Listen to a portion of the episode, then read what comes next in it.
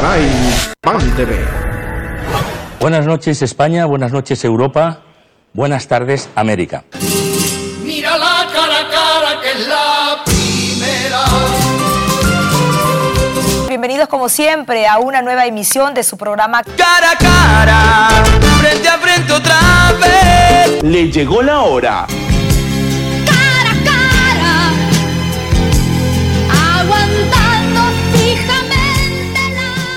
Saludos, arrancamos este cara a cara para hablar de una cuestión que puede parecer lejana, pero creo, a tenor de cómo vaya discurriendo este cara a cara, podemos ir descubriendo si está más cerca de lo que pensamos. ¿Con quién compartimos este cara a cara hoy?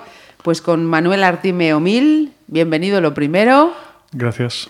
Manuel es eh, profesor eh, tutor del Centro Asociado de la UNED en Pontevedra e imparte un curso que ha comenzado este mes de marzo, que se va a prolongar durante el mes de abril y que lleva el siguiente epígrafe. El 68 en su 50 aniversario. Lecciones para el mundo actual. De ahí que decía que mm, un tema que puede parecer lejano, pero vamos a ver si está más próximo de lo que, de lo que podemos pensar.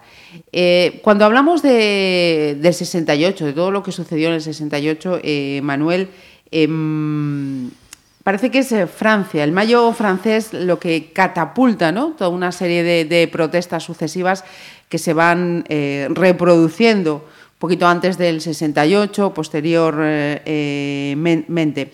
Em, ¿Qué, sucede para que una población eh, estudiantil, es decir, la población joven de París francesa, eh, lidere unas protestas a las que luego se suman, digamos que, sectores con más peso, con más representación y que además eso trascienda por toda Europa e incluso por América.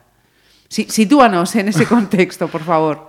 Sí, la pregunta que haces es enormemente atinada porque mm, atiende a una cuestión que nos preguntamos a menudo. ¿Por qué una protesta alcanza repercusión amplia? ¿Por qué se convierte? ¿Por qué, por ejemplo, en Galicia el, el Nunca Más se produjo a partir de aquel accidente y no de otros? ¿O, o por qué se produce el 15M y, y aquello se convierte en transversal? ¿no? Este tipo de, de- de preguntas son las que nos hacemos los filósofos políticos. Y mm, en el caso de Francia, una de las cosas que nos hacemos, y el del 68, es si aquello fue un contagio, o sea, simplemente por réplica, o si efectivamente había elementos de, de singularidad o elementos eh, de de- en común eh, que hacían que aquella mecha fuera a, explotar. ¿no? Em, y la respuesta es compleja. Me lo temía. Sí, la respuesta es, bastante compleja. Em, simplificando mucho y ciñéndonos, luego podemos hablar del plano internacional, al tema, al tema francés, la pregunta es, ¿por qué una, una protesta de estudiantes que sabes que empieza con las normas que había para transitar entre las residencias de chicos y de chicas? Y a los chicos no se les permitía ¿no? Eh, acceder por la noche y entonces ellos pues acceden al grito de libre circulación ¿no? para las residencias. ¿no? Aquella protesta eh, uno pues deriva en, en otras, deriva en actos como en una inauguración de una, de una piscina en, en la Universidad de, de Nanterre, ¿no? que es donde estamos, donde empieza, donde, donde prende la mecha, ¿no? Eh, uno de los protagonistas, que es Daniel Cohn-Bendit, le dice al, al ministro, bueno, en sus diagnósticos, habla él de, diagnósticos eh, sobre la sociedad eh, y la juventud francesa de la época, no hablan nada de sexualidad, que es la que nos- lo que a nosotros nos interesa, y de esta reivindicación. Ajá. Y el ministro le, le dice, bueno, pues si tiene usted este problema, o si le parece que este es un problema principal, puede tirarse a la piscina que acaban de inaugurar, ¿no? Bueno, yo creo que este, este mm, ejemplo ilustra bien qué puede, en qué, qué elementos principalmente pueden hacer eh, prender la mecha. Y es cuando una protesta late, cuando bajo una protesta late una demanda de una juventud, en este caso de un grupo social amplio, y sobre todo cuando la autoridad la desprecia, cuando la autoridad la hace menor o, la, o como hace, o como viene sucediendo después en todos los actos de protesta, la reprime desproporcionadamente. Eso contribuye mucho a que una protesta se expande, a que se haga, a que se, exista una ola de solidaridad. Ajá. ¿Qué es lo que sucede en este caso? ¿no? ¿Qué es lo que sucede estos este caso? estudiantes luego reciban el apoyo pues, de otros eh, sectores sociales pues, con mucho más arraigo, mucho más peso de lo que puede tener, se supone en principio, ¿no? Un, un colectivo estudiantil. Sí, eh, y además sectores sociales hacia los que estos colectivos estudiantiles habían manifestado un enorme desprecio, como por ejemplo para, las, eh, para los agentes sociales sindicales o para el Partido Comunista o para las juventudes comunistas. Están Ajá. en constante eh, provocación estos jóvenes, ¿no? que, se- que tienen una actitud de, de vanguardia y de protesta además muy extremadamente... eh, pues eso, eh, exagerada o de- desconocida en las formas hasta el momento, ¿no? Eh, y que provoca mucho recelo en, la- Ajá. en la- en los sindicatos y, toda esta- y todos estos agentes sociales, viejos agentes sociales, ¿no? Y, pero al final se tienen que sumar, se tienen que sumar porque la ola les, les sobrepasa y porque la represión en un momento dado es tan desproporcionada por parte de, las autoridades que eso que se genera esa, esa empatía con los estudiantes. ¿no? Eh, creo que eh, en estos minutos que llevamos de, charla, eh, Manuel, hay frases que, estoy anotando mm, para ver si esa situación es extrapolable algunos casos que estamos, que estamos viviendo ahora. Eh, decía, esa expansión primero que se produce en el propio país, ¿no? Luego, eh, de, qué manera influye en otras eh, revueltas, protestas que se producen también en ese mismo año, ¿no? No sé si entiendo a priori, tú sabes desde luego muchísimo más que yo de esto. Los contextos en principio pueden parecer diferentes, pero al final llegan a, una misma consecuencia. Sí, de- de nuevo eh, tengo que volver a celebrarte la, la pregunta porque efectivamente los contextos son diferentes. ¿no? Si tú eh, comparas el contexto de Estados Unidos y el de Francia, pues pueden haber algunos elementos de similaridad, aunque las demandas verás que son muy diferentes. Por ejemplo, la demanda feminista y la demanda pacifista no están nada presente en Francia. Eh, pues en Francia tiene otro cariz, eh, ¿no? Pues más maoísta o de otros elementos, ¿no? Pero si lo comparas, por ejemplo, con lo que sucede en México o lo que sucede en Praga, que, que- que está Praga bajo el, el- el- El- bajo el- eso, bajo la Unión Soviética, ¿no? Eh, o, o en México, que está bajo el gobierno del PRI, que es una, una pseudo dictadura, ¿no? Pues ves que hay muy pocos elementos en, en En común, común. muy pocos elementos en común a priori, ¿no? Aparecen singularmente, ¿no? De hecho, muchos analistas, eh, sobre todo conservadores, tienden a separarlo. No es lo mismo, ¿no? Te dirán, lo de París es una cosa eh, de unos niños Praga es otra y lo de Praga otra, es una y cosa Woodstock también fue otra. Ajá. Claro. Sin embargo, sí que comparten una cierta sensibilidad epocal, ¿no? Comparten, todas son revueltas juveniles y todas son revueltas eh, contra... Yo diría que, que también es una pregunta compleja pero yo, de responder, pero yo diría que tiene que ver con una ruptura con el mundo de posguerra ¿eh? y con la cultura del mundo de posguerra. Sí, romper con todo ese Con el mundo contexto heredado que de ya sus venía, padres. efectivamente. Mm. Sí, de hecho, eh, también eh, tengo leído, ¿no? Que hay eh, incluso conceptos, ideas, ¿no? Que, que para ellos es mm, todo lo que hay que rechazar, ¿no? Y que vienen efectivamente de dejar a un lado, separar precisamente toda esa herencia Mm. de las generaciones previas. Em, Manuel, cuando, o, o bajo tu opinión, estamos hablando de, mm, de, eh, protestas o, o, mejor dicho, de movimientos sociales o de revoluciones. Claro. Eh, mira, cuando si hablamos de revolución, podemos pensar que aquello fue una revolución fracasada, una revolución frustrada. Esto se repite. Ya te me adelantas a la siguiente pregunta, porque Sí. hay quienes dicen que, que tuvieron eh, más impacto que éxito todos estos movimientos. Claro. O sea, tienen más importancia el significado de estos movimientos que los movimientos en sí. Mira, en- en- por pronto un ejemplo, en- y siguiendo la, la respuesta que te daba antes, ¿no? Las manifestaciones en París se terminan Las protestas se terminan cuando los sindicatos, que ya habían, eh, eh, pues ya se habían sumado a las protestas, llegan a un acuerdo con el gobierno y ganan una serie de, de logros, entre ellos, por ejemplo, la cuarta semana de, de vacaciones, ¿no? pero otras cosas, ¿no? de cuestiones laborales, etcétera, ¿no? Dicen los sindicatos, bueno, hasta aquí hemos llegado, hemos conseguido esto, que no es poco, ¿no? Pues ya valga. Pero a los estudiantes esto no le vale No y esto llega. genera efectivamente una ola de frustración.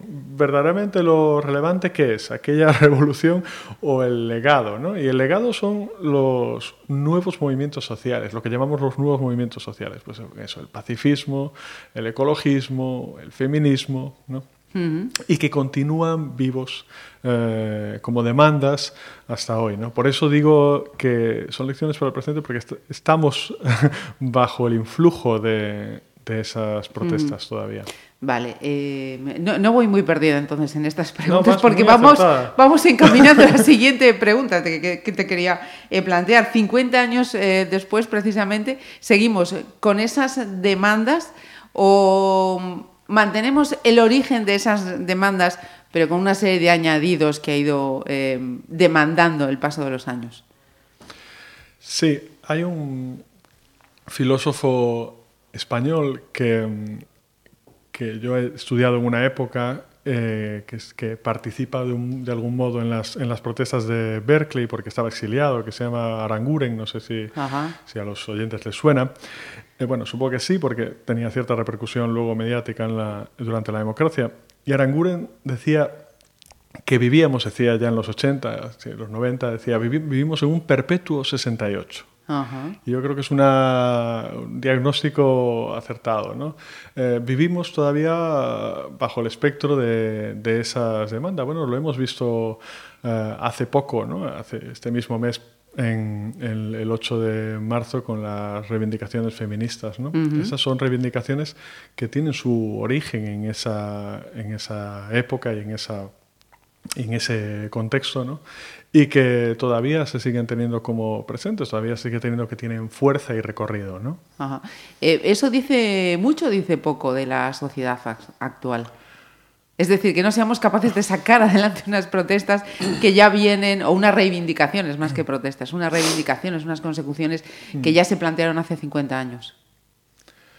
Bueno, dice poco en el sentido de que podemos pensar que vamos lentos, eh, pero bueno, dice mucho en el sentido, si te fijas en la demanda feminista en concreto, no, pues que no ha parado de avanzar ¿no? Y que se ha vuelto enormemente transversal. Quiero decir que hoy podemos ver, esto mismo mes, podíamos ver como gente que en la vida se hubiese reivindicado feminista, eh, no quiere que ahora que le tilden de lo contrario, ¿no? Entonces, bueno, pues sí que en algunos sentidos sí que se, se han conseguido cosas. Eh, Manuel eh, comparte esa, esa teoría que dice que, que la historia es cíclica y que se va repitiendo cada 50 años. Porque entonces estamos ante una cuestión bastante peleaguda, ¿no? Pudiera parecerlo, ¿no? Por el curso, ¿no? Sí, que- Em, sí, yo cuando hablo de las lecciones que el 68 nos deja al presente, claro, una manera de plantearlo es esta, ¿no? La de los paralelismos. Al final, antes te hablaba de- del 15M o del nunca más, ¿no? Existen elementos que nos permiten hacer paralelismos, ¿no? Hay una frase eh, que a mí me gusta mucho para esos casos, que, que es un poco cursi, pero que es que la historia no se repite, pero rima. ¿no? Ah, O sea- explícame eso, explícame eso. Bueno, pues que es, efectivamente los- la, la historia no es cíclica, no se repite, los elementos son diferentes. Hoy es diferente al. ah, hoy estamos en un momento diferente al 68. Daniel Cohn-Bendit, que es el, eh, uno de los protagonistas de los que te hablaba antes, lo que nos dice es que hoy te- tiene que haber completamente otras demandas, ¿no? Él, Ajá. él lo plantea que han caído, dice, a ver si recuerdo, eh, decía en el 40 aniversario, 40 toneladas de, de adoquines han caído sobre después del, del 68, o sea que ya no Ajá. estamos en ese mismo contexto. Eh, y esa es una pregunta que se puede hacer. Hay elementos de, de paralelismo, hay ciertos elementos que nos permiten pensar el presente, pero a mí me interesa más la otra. ¿En qué medida está presente? ¿En qué medida ese influjo y esos, ah, digamos, eso- esas construcciones de sentido que se producen en el 68 están eh, latiendo en, en nuestra, en nuestra sociedad eh, todavía? ¿no? Vamos entonces a mirar eh, elementos de nuestra sociedad eh, que pueden tener esos paralelismos. Eh, hemos escuchado mm, estos días aquí, aquí en Pontevedra y fuera de, de Pontevedra, con motivo de las protestas de los pensionistas, que nos alertan. Cuidado que somos los de la generación del 68. Sí. No sé si, si eso a Manuel le, le- le ha hecho pensar o ha dicho, bueno, es un poco frívolo pensar que aquellos jóvenes ahora van a montar otra como, como la de hace 50 años. Bueno, eh, está, está bien porque yo ya he dicho que hasta, hasta este momento que creo que el 68 es más un significado Ajá. que unos hechos, ¿no? Y por tanto eh, no tiene tanta importancia que sean las mismas personas, ¿no? Sino que sino bueno pues lo que lo que ese- lo que el pozo que, que- que deja aquello, ¿no? Sin embargo, bueno, sí que hay elementos interesantes para reflexionar respecto a las personas. Y es que, por ejemplo, en España, se- uno de los tópicos que existe es que no ha habido 68, que el 68 era una cuestión menor, o que, o que no, no estábamos en eso, porque en realidad estábamos eh, para ganar las libertades fundamentales o las libertades más básicas, ya las otras ya... Estaban a unos Sí, añitos sí, todavía. Se dicen, bueno, no éramos modernos como para ponernos posmodernos, ¿no? Pues no, no, no, no era aquello. Sí, eso es un tópico que esto nos puede permitir eh, desmentirlo. O sea, hay una, si efectivamente hay un grupo de personas eh, ahora sexagenarias o septuagenarias que dicen nosotros éramos los entonces, quiere decir que algo, algún reconocimiento, alguna identidad, ¿no? ¿no?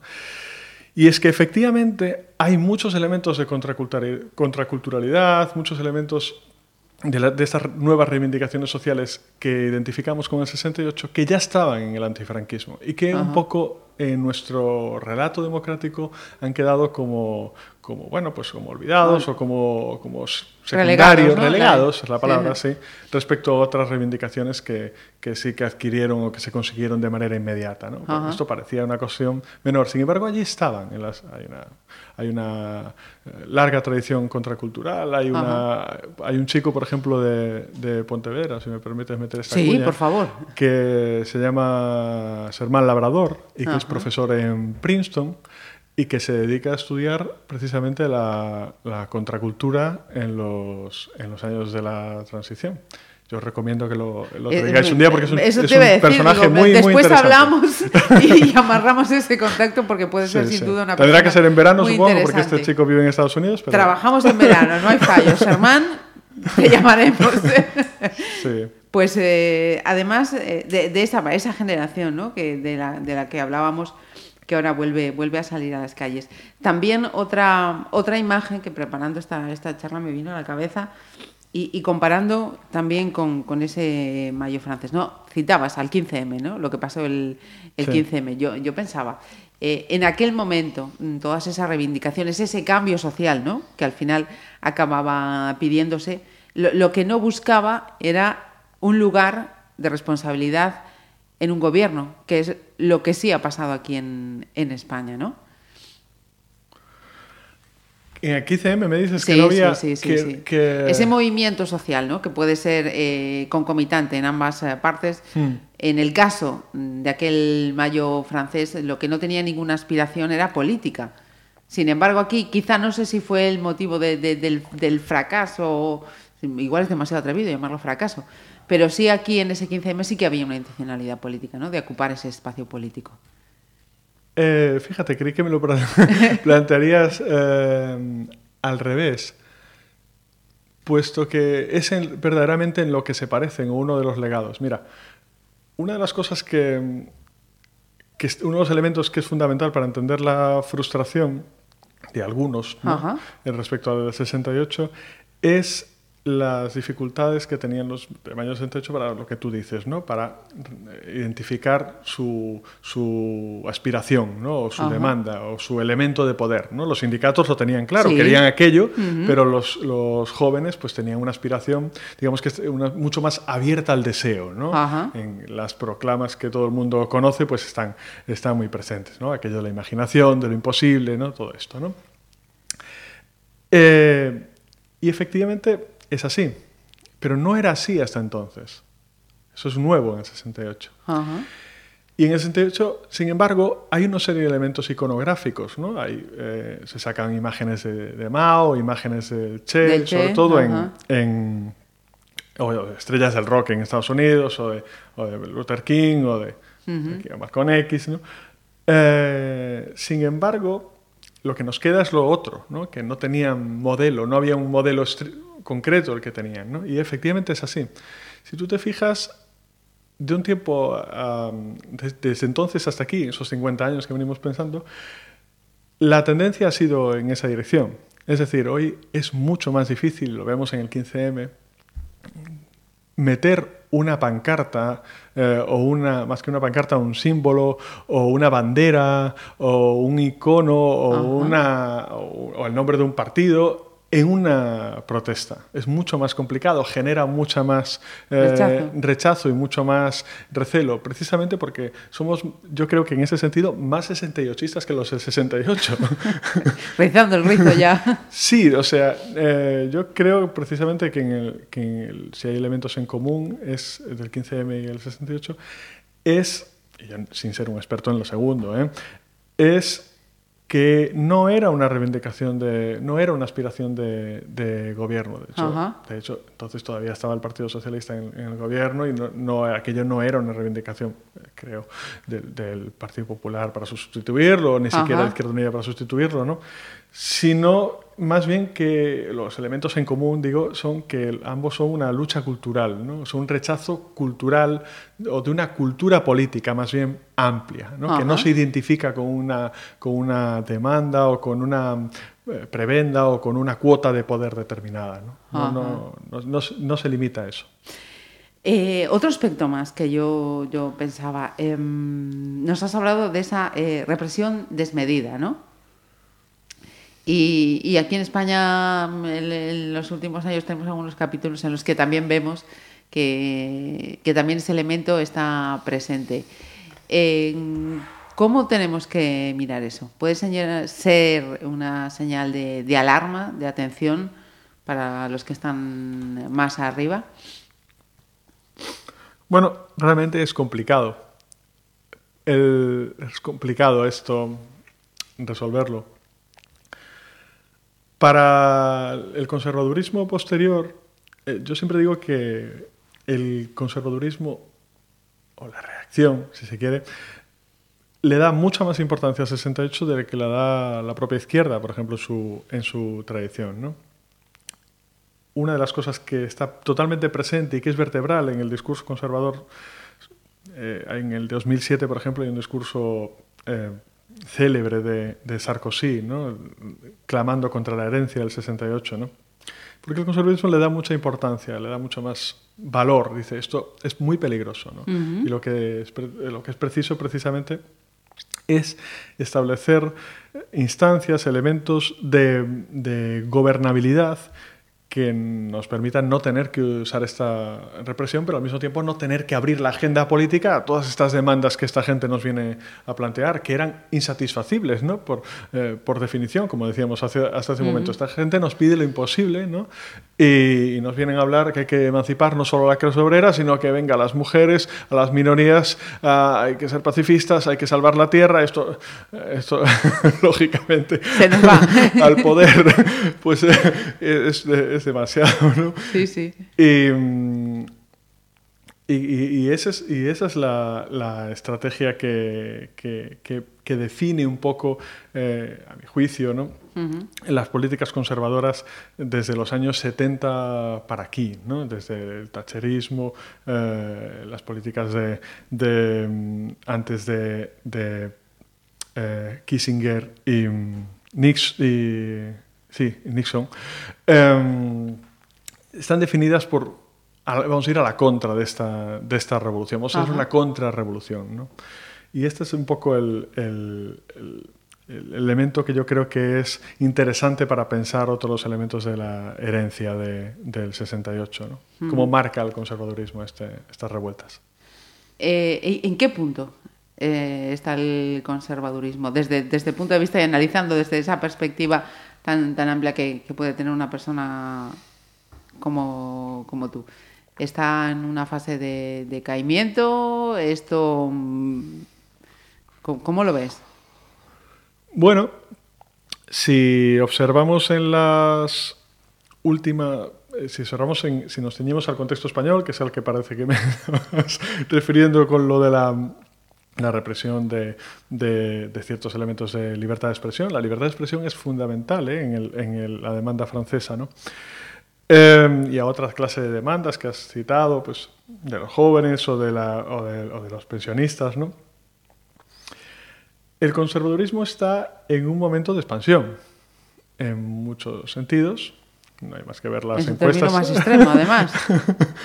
Sí, eh, en su término más extremo y, no extremo, ¿no? O sea, realmente, por ejemplo, el, conflicto territorial está viéndose que, genera afinidades dentro de las posiciones más conservadoras o, menos receptivas ¿no? a, introducir elementos al debate político. ¿no? Pero por otro lado, vemos como hay reivindicaciones de los pensionistas o de las feministas que avanzan, ¿no? que avanzan y que consiguen... Y de eh, los independentistas. y- Tiene sí. varios frentes ahí peleagudos. Bueno, me refiero, bueno, no- yo no sé si ese punto, pero eh, las otras dos eh, avanzan dentro de la sociedad, quiero decir Sí. que se inoculan dentro del, del sí, electorado. ma- mantiene esa herencia que decíamos, ¿no? Del- se inoculan dentro, del- quiero decir que ahí el- la sociedad es más receptiva hacia esas demandas, no es tan receptiva hacia, la, hacia las otras, ¿no? Hacia el, pues, lo que significan los, los derechos de autogobierno, los derechos de, de soberanía, que también forman parte de, de las, de las demandas de, muy importante en las demandas de esa época, ¿no? Sí. el evento anticolonial o eh, en la transición española, por ejemplo, el- la demanda de de libertades estaba asociada a, la, a la de estatutaria, a la, Sí, sí. a la demanda de autogobierno, ¿no? Pues es- en ese sentido creo que, que, el- que el- que hay un repliegue en ese, en ese sentido, pero en otros, eh, como el de feminismo, por ejemplo, podemos ver lo contrario, ¿no? que, el, que el conservadurismo es el que tiene que dar marcha atrás. Podríamos estar aquí tiempos y, y tiempos charlando sobre, sobre todo lo que, lo que supuso, lo que fue y la herencia que tenemos del, del 68. Pero mm, no sé si Manuel tenía algo más que yo me haya dejado por alto, si hay algo en lo que digas, mira, me parece fundamental, importante, yo tenía anotado esto y no lo hemos tocado. Bueno, a mí hay un elemento que me que hemos hablado de casi todo. La verdad es que, que tengo que felicitarte porque la, la- Gracias. Pues te lo has preparado fantásticamente bien. Eh, pero hay un elemento que me parece que puede ser interesante para la reflexión Sí. y que está en mayo del 68. Y es, en mayo del 68 uno se da cuenta de que las demandas son múltiples. Sí, de que no vale con satisfacer a, a aquel grupo o aquel otro para que podamos darnos por para que podamos eh, eh, relajarnos, social, ¿no? relajarnos y, la complacencia, ¿no? Ajá. Y mm, una de las cosas que nos vamos dando cuenta es que las expectativas de emancipación, las aspiraciones de emancipación propias, las nuestras, pues como clase trabajadora, o como clase media, o como mujer, o como lo que sea, muchas veces pueden servir para ocultar o para no responsabilizarnos o no hacernos cargo de otras muchas demandas. No nos hacemos cargo muchas veces de que eh, junto a nuestra aspiración hay otras y Ajá. que la nuestra la puede, la nuestra como, no sé, puede, puede servir para, para no darnos cuenta de que hay unas minorías ahí que, que, que demandan aquello, ¿no? Y esto es uno de, los, de las lecciones, creo, interesantes del, del 68. La dificultad que tiene compatibilizar demandas diferentes ¿no? y la responsabilidad que esto supone para cada uno de, de nosotros como sujetos políticos y como, y como seres que, que deben reflexionar sobre, sobre qué aspiran o qué sociedad quieren construir. ¿no? Es decir, mayor amplitud de miras. Mayor amplitud de miras, sí, y mayor responsabilidad. Hacerte cargo Ajá. de que. responsabilidad eh, pública, ¿no? O sea, hacerte cargo de que tu demanda eh, no es la única y que además no solo no es la única, tu- tus aspiraciones pueden ser eh, subyugantes para otros, pueden, pueden suponer una, un, pues eso, un castigo o un, puede tu aspiración, por si me permites un Sí, sí, por segundo. favor. Bueno, pues una de las cosas eh, que, se, que se muestra o que se plasma en, el- en ese capitalismo tardío ¿no? de, de los años 60, o ese nuevo capitalismo, es que las clases medias tienen unas aspiraciones de consumo brutales. ¿no? Eh, y la emancipación o la aspiración social es convertirse, pues, en, y las clases trabajadoras y clases medias es subir de clase. ¿no? Bueno, pues una de las cosas que, que nos dice el mayo 68 es, bueno, pero mira que para que tú eh, consumas a esta velocidad, pues estás generando este desastre ecológico. O mira que tú, para que consumas a esta velocidad, pues tiene que haber en países eh, colonizados, pues eh, esas, esas estructuras y estas situaciones de explotación. ¿no?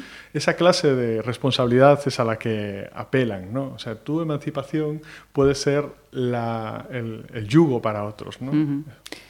que es una máxima que estamos también escuchando a día de hoy continuamente, como dices tú, pues hemos tratado de, mm, de generar, no, no vamos a decir aquí de esclarecer, porque creo que es demasiado ambicioso, pero sí generar una atención sobre lo que fue y la herencia que a día de hoy, a 2018, 50 años después, tenemos sobre lo sucedido en, en aquel 68.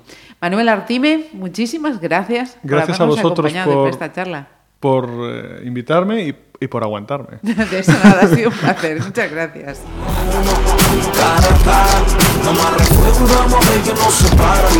Saludos cordiales a los que nos siguen a través de Internet desde cualquier parte del mundo. Gracias por confiarnos la organización de este debate cara a cara. Mira la cara a cara que es la segunda.